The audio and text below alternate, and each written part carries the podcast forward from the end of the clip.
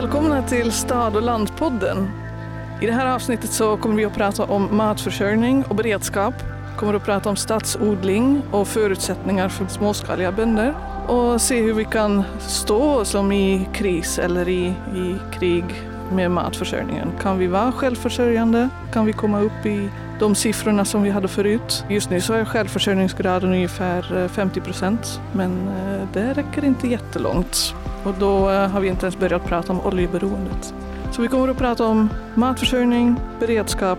Vi kommer att höra från Olle och Marika från Värmland, från Torrfolk Gård. Men innan vi ska lyssna på dem så eh, står jag här ute på Ekobacken mitt i Växjö. Och eh, jag har här framför mig Johan Aronsson som är och odlar här. Så Johan, vill du berätta lite grann, vad, vad gör du här och vad är det här för ställe? Jo, just nu står vi kanske i Sveriges mest centrala och största stadsodling. Eh, med ett unikt läge där vi odlar på en hektar åkermark. Eh, tre minuter promenad från centralstationen. Eh, ekologisk grönsaksodling. Mm. Hur har det gått den här sommaren? Har det, har det gått bra? Har det varit lite kunder och så? Det har varit ganska okej. Okay. Växjö har väl eh, varit ganska flytt, eller vad ska jag säga, folk har varit iväg ganska mycket i sommar och det har märkts i, i många olika branscher i stan. Inte minst här att, det, att eh, folk har varit iväg på annat. Men nu när hösten har börjat och folk är tillbaka i arbete och så vidare så har det ändå blivit eh, ökad försäljning. Mm. Eh, Ekobacken, vad, vad är det som, eh, som händer runt omkring? Jag ser att det står några bord och stolar lite överallt och så. Jo, det, det här är inte bara en, en kommersiell odling utan det är, är även en, en utservering som serverar mat som främst ska bygga på grödor från odlingen då. Ja, alltså maten kommer ju egentligen samma dag direkt från odlingen, från marken, spolas av och sen in i köket och sen serveras på en tallrik. Så det är snabba, snabba bud. Det är en kort, kort uh, värdekedja. Mm. Och det var i samarbete med någon, någon restaurang då här i stan? Precis, uh, restaurangen drivs av Café Deluxe i Växjö. Som en väletablerad uh, restaurang krögare. Mm. Just det, just det. Ja. Och eh, sen har det varit um, gemensamhetsodlingen också här bredvid, eller? Ja, precis. Eh, på backen finns det även en eh, kollektivodling med 30 vuxna som odlar mat tillsammans till sig själva. Som ja, har 800 kvadratmeter mitt i min odling kan man säga. Så det är bara fördelar med det.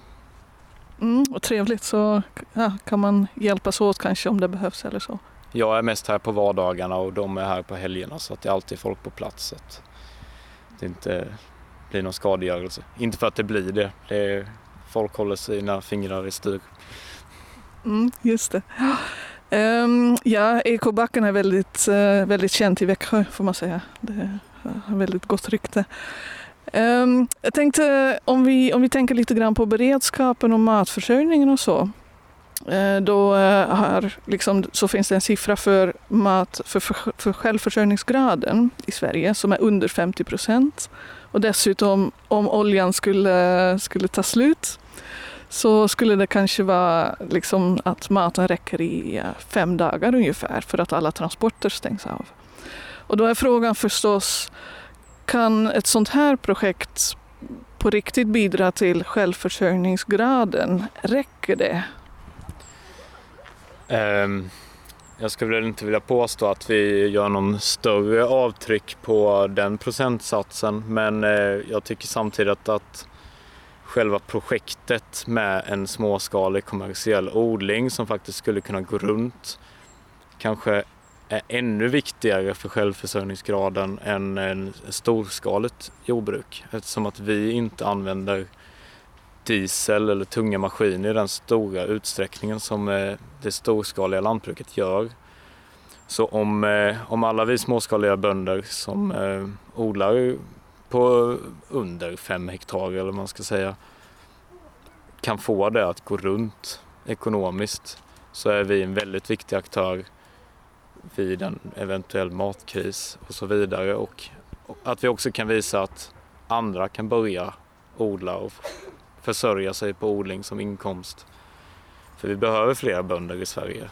Det, det har bara minskat under 1900-talet och eh, vid en kris idag så har vi inte insatsmedel som diesel och konstgödsel och fröer och allt möjligt. Sojafoder till eh, boskap och så vidare. Och då behövs det lokalt, lokala bönder som kan försörja landet även om de kanske inte är stora. Ja, det är sant. Det är sant. Jag tänker också att eh, sånt här stadsodlingsprojekt eh, som gemens, eh, kollektivodlingen här bredvid, liksom att folk får ändå upp ögonen för liksom svårigheter med att odla eh, och, och, men också möjligheten. Liksom, vad kan man fram från eh, några hundra kvadratmeter? Mm. Ja, jag tycker en, en, viktig del i, eh, i odlingsprojektet är ju att vi också visar Växjös befolkning hur mat blir till och hur odling funkar och att eh, folk blir mer medvetna om eh, vad som ligger bakom det vi har på tallriken. Liksom. Sen är det också fantastiskt att det finns kvar historisk åkermark mitt i stan som fortfarande brukas. Men eh, jag tror ju inte att stadsodling i sig kommer göra något större avtryck på matförsörjning till städer i framtiden utan det är landsbygden som kommer stå för matproduktionen. Stadsodlingen är mer en, en kunskapshubb och eh, bra men eh, inte lösningen.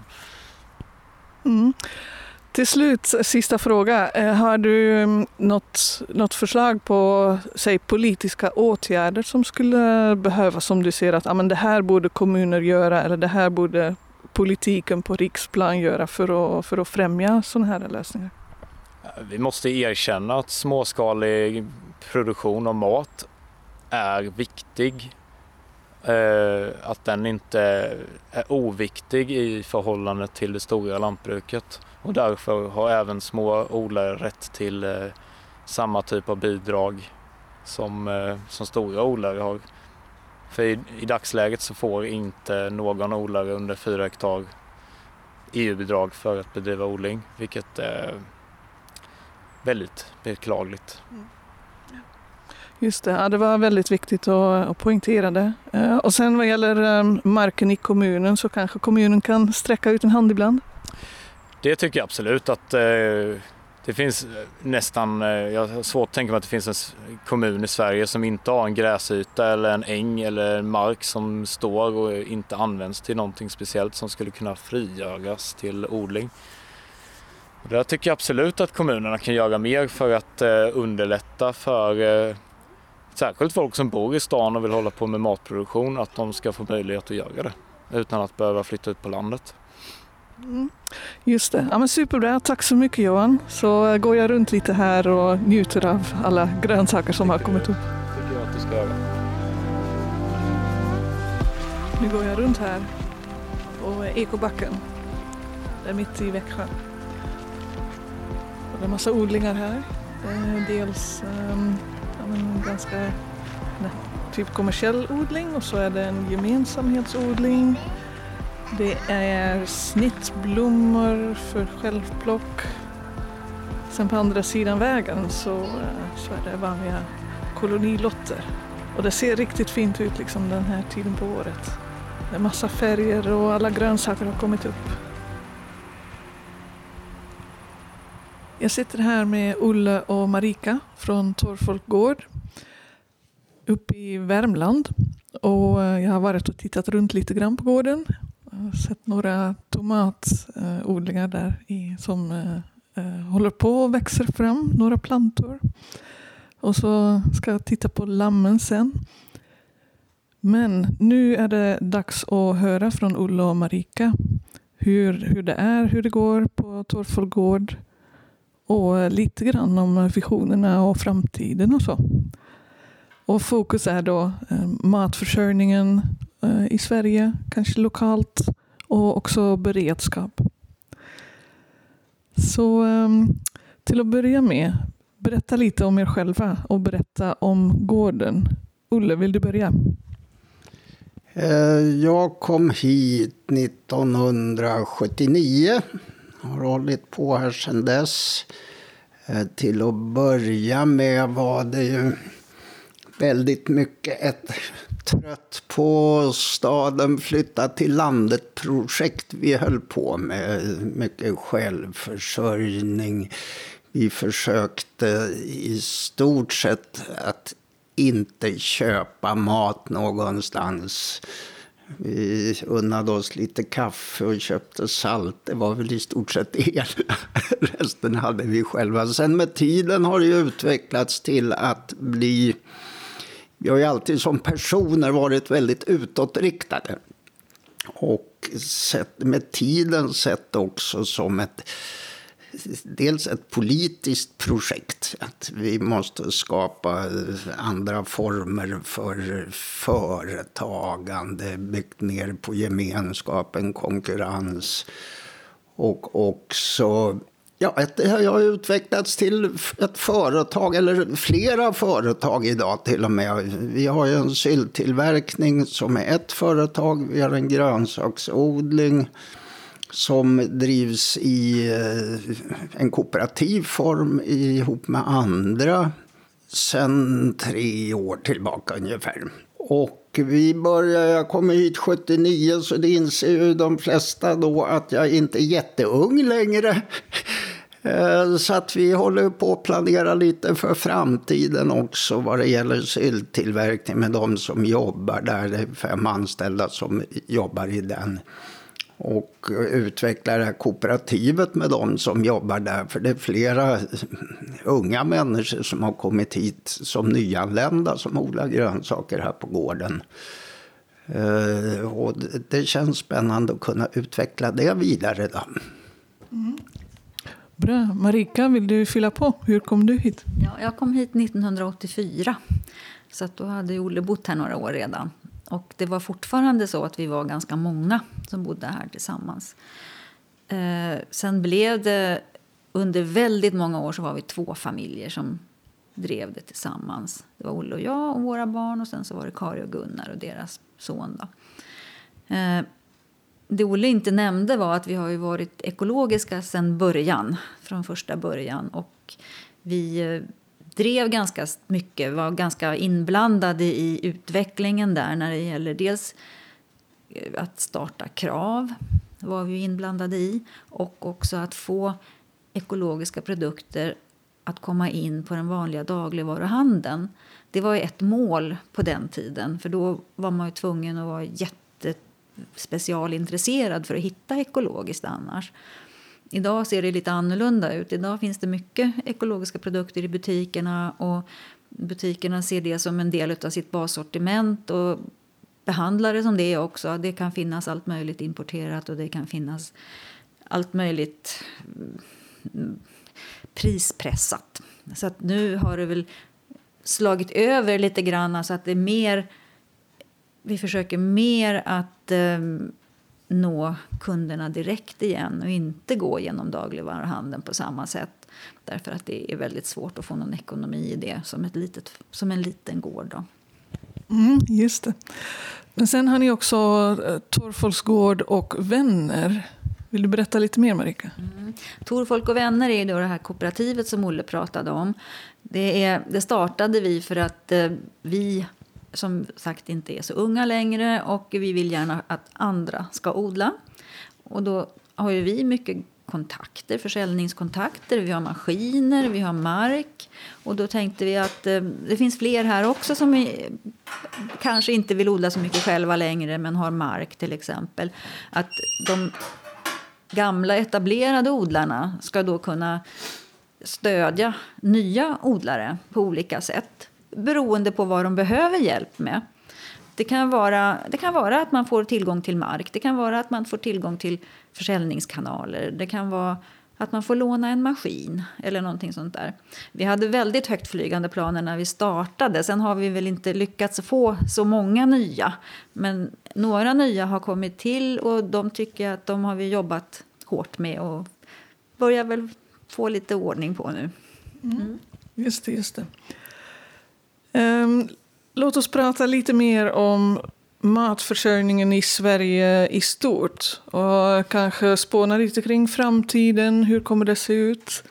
Och självförsörjningsgraden, beredskap.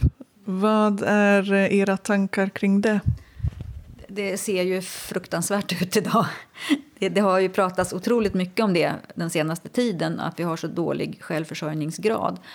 Och det har ju också kommit en motreaktion på det där som vi har sett framför allt med att det är väldigt många som har börjat intressera sig för husbehovsodling. Vi har haft en del kurser här och vi tycker det är jättebra när folk vill odla själva. Eh, även om vi sälj, lever, och säljer på, lever på att sälja grönsaker så tror vi att, eh, att folk odlar själva är väldigt bra utveckling. Jag tror att eh, de flesta kommer ändå inte odla så mycket så att de klarar sig året runt utan de kommer ändå vilja köpa en del ibland. Och eh, vi vill ju mer, så mycket som möjligt sälja våra grönsaker så lokalt som möjligt.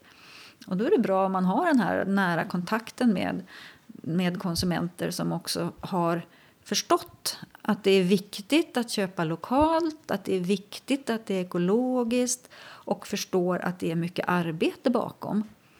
Eh, det är ju de tre grejerna. Och sen är vi fullkomligt medvetna om att om man skulle driva det här till sin spets då, att bara sälja så så skulle det vara en massa människor som blev utan mat.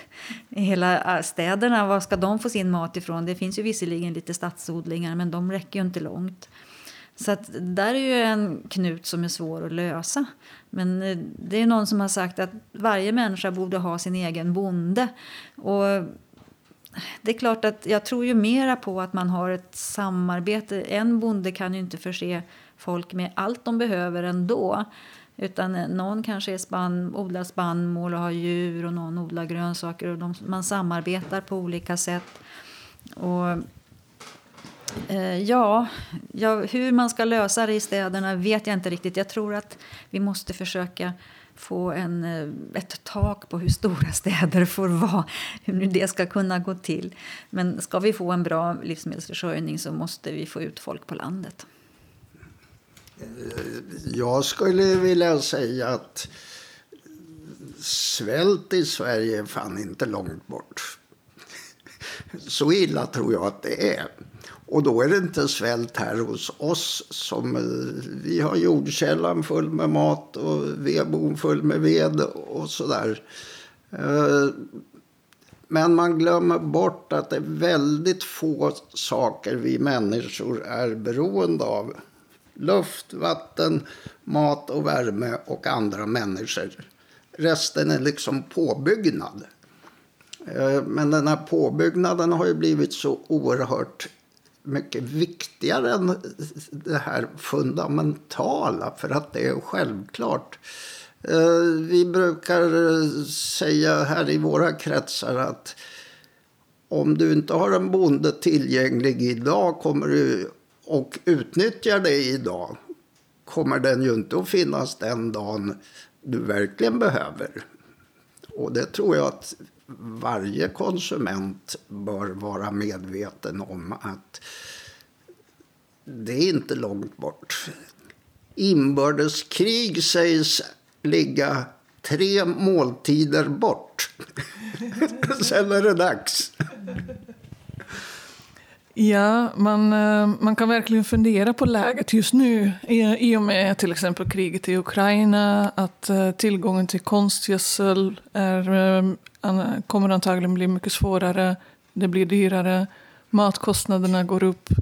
Så läget är, är ganska tufft, eller det finns en stor risk för det i alla fall. Ja. Självförsörjningsgraden eh, på 80-talet var ju mycket bättre i Sverige än, eh, än vad den är nu. Eh, man brukar, det, det, är jättesvårt att få jättetydliga siffror på självförsörjningsgraden och det är olika definitioner. Men man brukar säga att den är under 50 procent nu och att den var kanske eh, runt 80 procent eh, innan 90-talet kanske innan vi gick med i EU också, att det hänger ihop på sätt och vis. Eh, hur, ehm, finns det några möjligheter att få upp självförsörjningsgraden, tror ni? Jag tror att det absolut viktigaste just nu det är kunskap. Att eh, sprida kunskap. Dels för folk att kunna fixa lite mat själva och att förstå det här som Olle sa förut med att man måste ha, knyta kontakter med sådana som producerar mat. Och den kunskapen finns ju inte hos folk idag. Eh, när det gäller att få fler att jobba med mat så tror jag nog att det kan funka. Men då måste det också uppvärderas. Man måste visa att det här är någonting som vi tycker är viktigt, som vi värdesätter. Det ska bli lite inne att vara matproducent och att eh, man, får, man får en vettig betalning för det. Ja, nej, det är inte långsiktigt finns det inget annat alternativ än att det är flera som smutsar ner händerna. Så är det ju. Och, och då måste ju människor, eller samhället, få respekt för betydelsen av att vi har mat hela tiden och inte ska kriga på världsmarknaden. Att vi, vi ska producera det vi är bra på, vad nu det skulle vara, och exportera och förvänta oss att det andra finns alltid bättre och billigare producerat någon annanstans och kom, kommer hit. Det ser man ju bara med Ukraina och Ryssland nu. Eh, det kommer, ju, även om det kanske inte drabbar oss i Sverige i första hand, så kommer det leda till svält i fattiga länder. Ni pratade lite grann om, ehm, om staden och, och landsbygden. Och jag tycker man kan väl säga att eh, det finns en del intresse i städerna också för eh, gemensamhetsodlingar, balkongodlingar och så.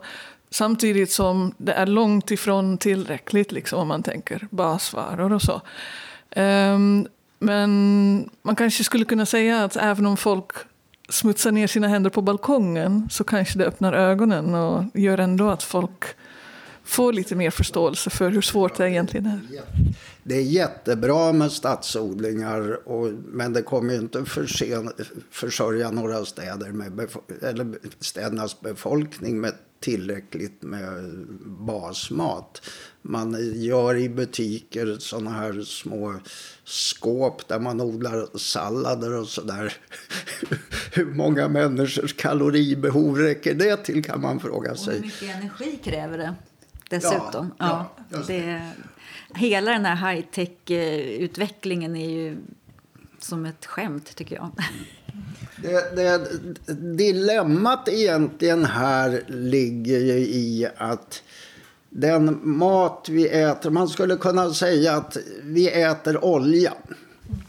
För vi gör av med ungefär, för att producera en kalori livsmedel går åt 10 kalorier fossil energi. Och det, det, det säger sig självt att det är inte hållbart. Det går liksom inte. Och mycket, mycket av det där handlar ju också om försörjningskedjor.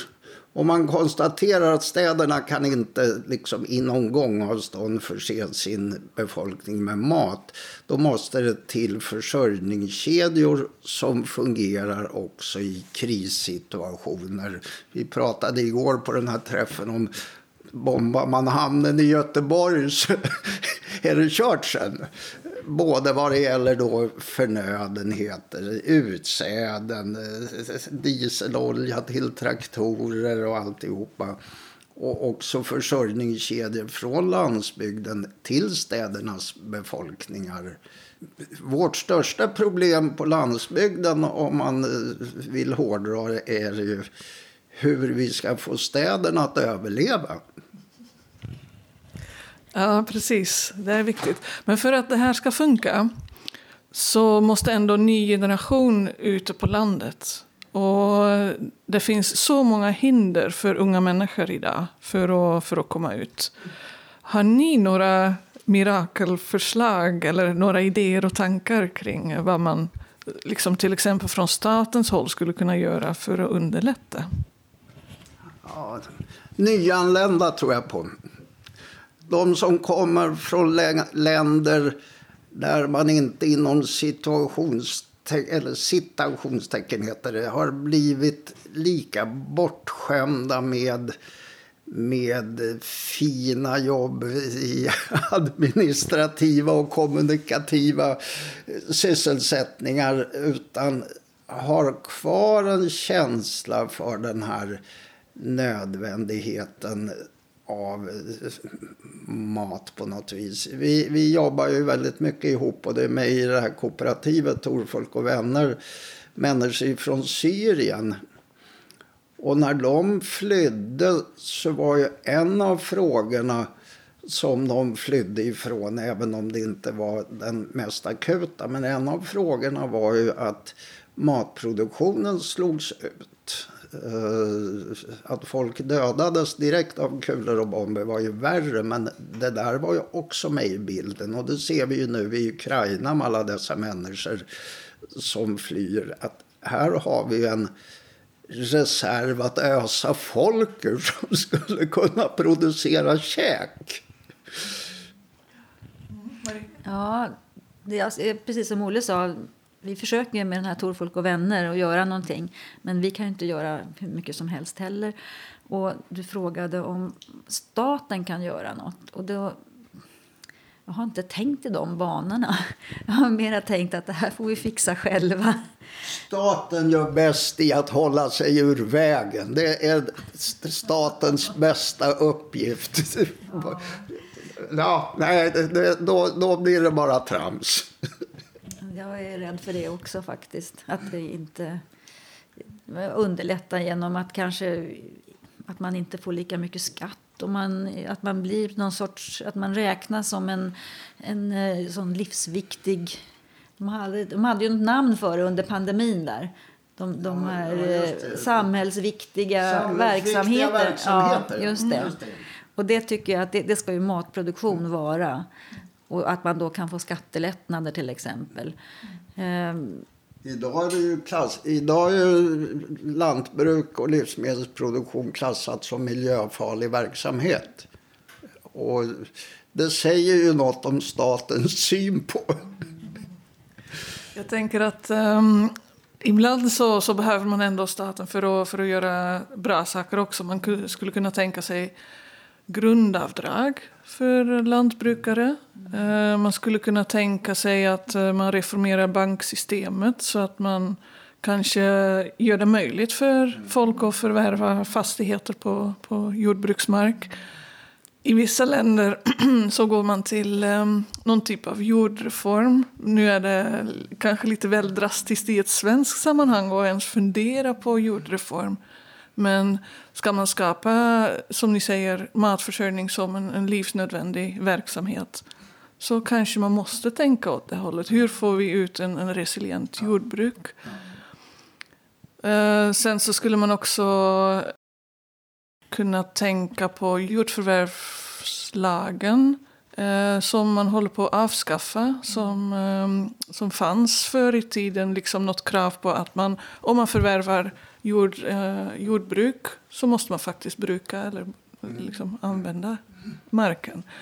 Vad tänker ni kring, kring sådana? En annan sak som jag kom på när du sa det där det är ju också att man skulle kunna lagstifta emot att bygga och asfaltera jordbruksmark.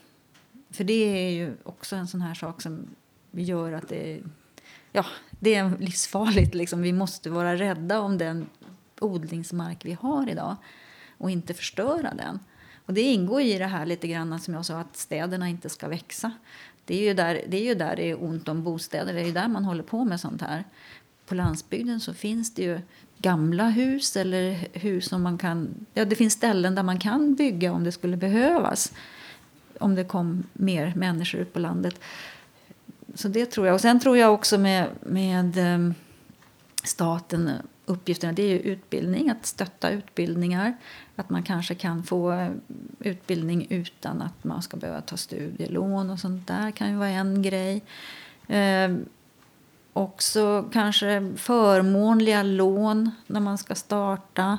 Jag kan tänka mig att man jobbar, stöttar forskningen så att man kan få fram bra bra metoder att eh, jobba utan att vara fossilberoende. Det, det, det, man kan tänka sig också här i våra bygder och hela svenska skogsbygden där också bedrivs en del jordbruk ligger väldigt mycket mark halvt om halvt för fäfot. Man får ett stöd för att man klipper av en äng en gång om året. Man håller den i hävd så att säga och det får man ett stöd för. Man skulle ju kunna tänka sig som en statlig åtgärd att betala ett större stöd om du arrenderar ut marken som no till någon som vill bruka den aktivt istället så finns det en morot för det. Så visst kan staten göra saker. Jag är bara rädd för att man ofta byråkrat byråkratiserar det man gör så att det blir omöjligt att liksom göra det som var intentionen ibland. Mm, jag, förstår, jag förstår rädslan. Um, tack för jättemånga intressanta infallsvinklar och synpunkter och erfarenheter inte minst. Uh, har ni några, någon sluthälsning till, till våra lyssnare? Man brukar säga håll grytan kokande men man kan väl säga håll jorden levande. Ja, det, var, det var bra sagt tycker jag. Eh, det jag tycker är också, jag skulle vilja skicka med och trycka på är ju den här passningen att livsmedelsförsörjningskedjorna fungerar som de behöver fungera om inte många fler engagerar sig i det. Så, och det är också en gryta som behöver hållas kokande, det vill säga den här typen av samtal. Tack så jättemycket, Olle och Marika. Tack, tack.